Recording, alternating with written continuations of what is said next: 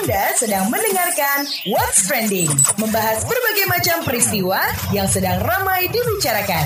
Kalau ceritanya yang senang-senang aja, tambah senang lagi dong. Apalagi THR udah cair, udah tanggal 27 nih. Sudah waktunya berbelanja, sudah waktunya uh, beli kebutuhan untuk menyambut hari raya kemenangan lebaran nanti. Mall di Jakarta sudah penuh sesak. Kayaknya di daerah Anda juga pusat-pusat perbelanjaan pasti sudah dipenuhin sama masyarakat yang ingin uh, membeli segala kebutuhannya menjelang lebaran nanti. Ah, kalau di Jakarta itu kemarin Sabtu Minggu, udah dari Jumat sih, Jumat Sabtu Minggu sudah lumayan macet ya. Parkiran di mall itu sudah susah carinya. Itu artinya THR udah pada cair. Tapi mungkin ya ini mungkin ya, tapi jangan sampai deh ya. Barangkali di antara kita sudah yang ada yang heboh terima THR, tapi ada juga yang masih dalam masa penantian yang belum jelas. Wah, ini sih berita sedihnya mungkin ya. Jadi Kementerian Ketenagakerjaan sendiri telah membuka layanan pelaporan terkait pelanggaran pembayaran THR nih. Tolong dicatat ya, diingat Kemenaker itu sudah membuka layanan pelaporan terkait pelanggaran THR. Kalau tidak percaya coba cek Twitternya di @kemenaker Naker RI. Sekali lagi at Kemnaker RI. Jadi isinya kira-kira seperti ini. Halo rekan Naker, ingin konsultasi seputar THR atau ingin lapor terkait pelanggaran pembayaran THR? Yuk datang ke posko dengan hashtag THR 2019 di PTSA at Kemnaker RI atau lewat telepon, email, dan WhatsApp rekaner juga bisa datang ke posko THR atau Dinas Ketenagakerjaan di daerah setempat. Jadi Menteri Ketenagakerjaan Hanif Dakiri bahkan mengancam perusahaan yang tidak membayar tunjangan hari raya atau THR karyawan. Hanif bilang kalau mereka itu akan dikenakan sanksi mulai dari teguran hingga denda. Ia juga memastikan aduan terkait pembayaran tunjangan hari raya THR bakal ditindaklanjuti.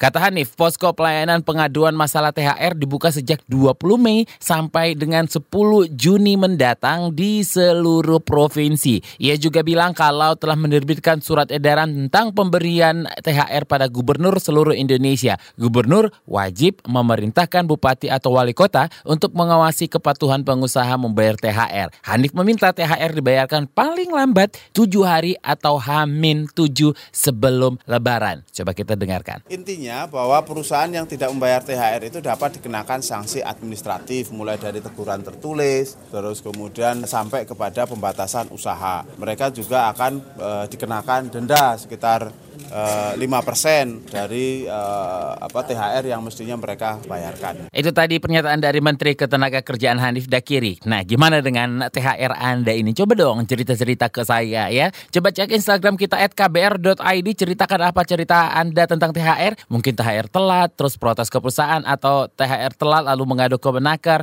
pernah sama sekali nggak dapat THR atau THR-nya kurang atau THR-nya datang tapi nggak berasa karena udah langsung habis. Anda sedang mendengarkan What's Trending, membahas berbagai macam peristiwa yang sedang ramai dibicarakan.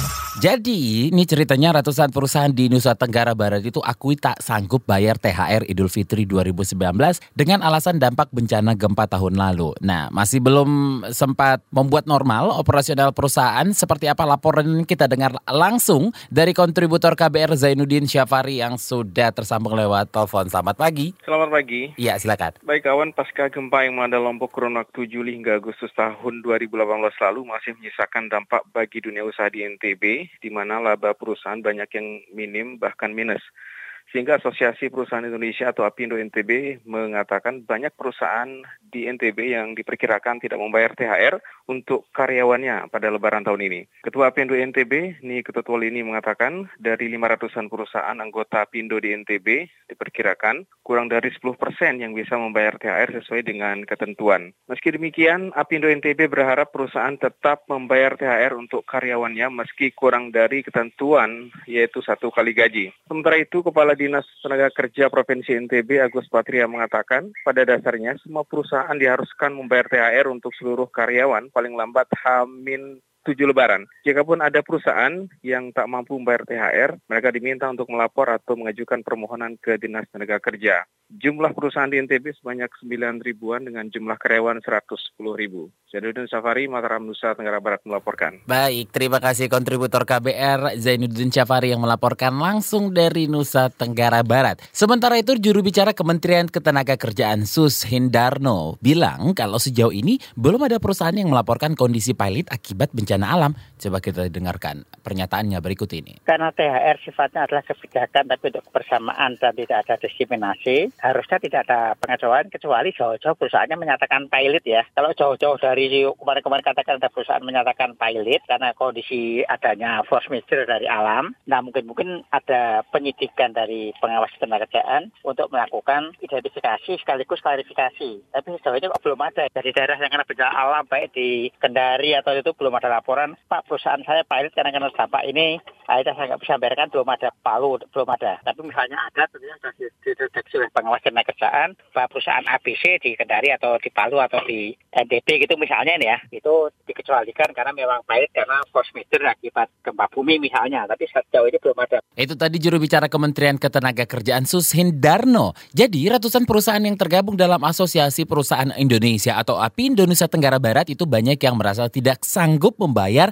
THR untuk karyawannya. Ketua Apindo Nusa Tenggara Barat ini Ketut Walini memperkirakan dari 500 perusahaan yang terdaftar tidak sampai 10% saja yang sanggup membayarkan THR Idul Fitri. Alasannya, dampak bencana gempa tahun lalu masih belum membuat normal bisnis perusahaan. Bahkan sudah banyak perusahaan yang tutup, sementara lainnya mengurangi jumlah jam kerja karyawan.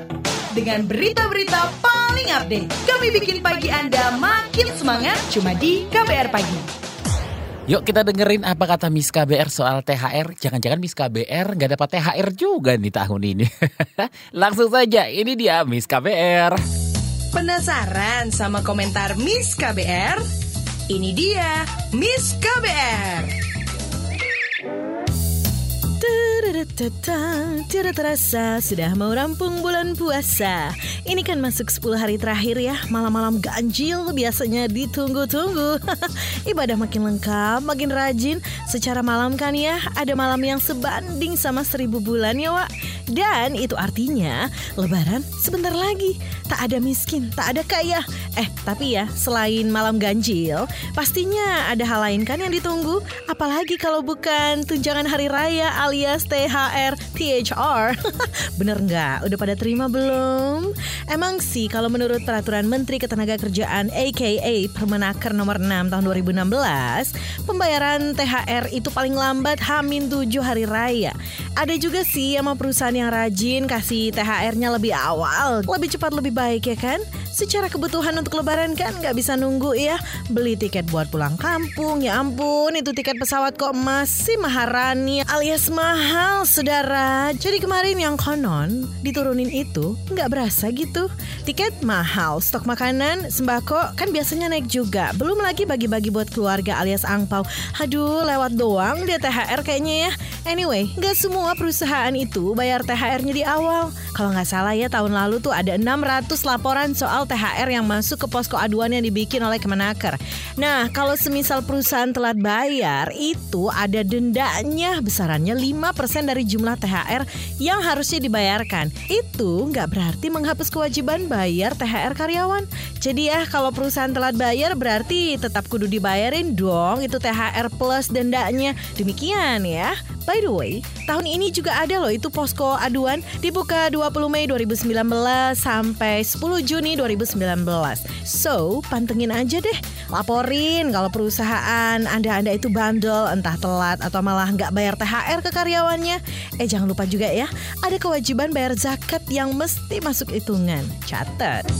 Itu dia tadi komentar dari Miss KBR. Mau tahu besok Miss KBR bakal komentar apa lagi? Tungguin cuma di KBR Pagi.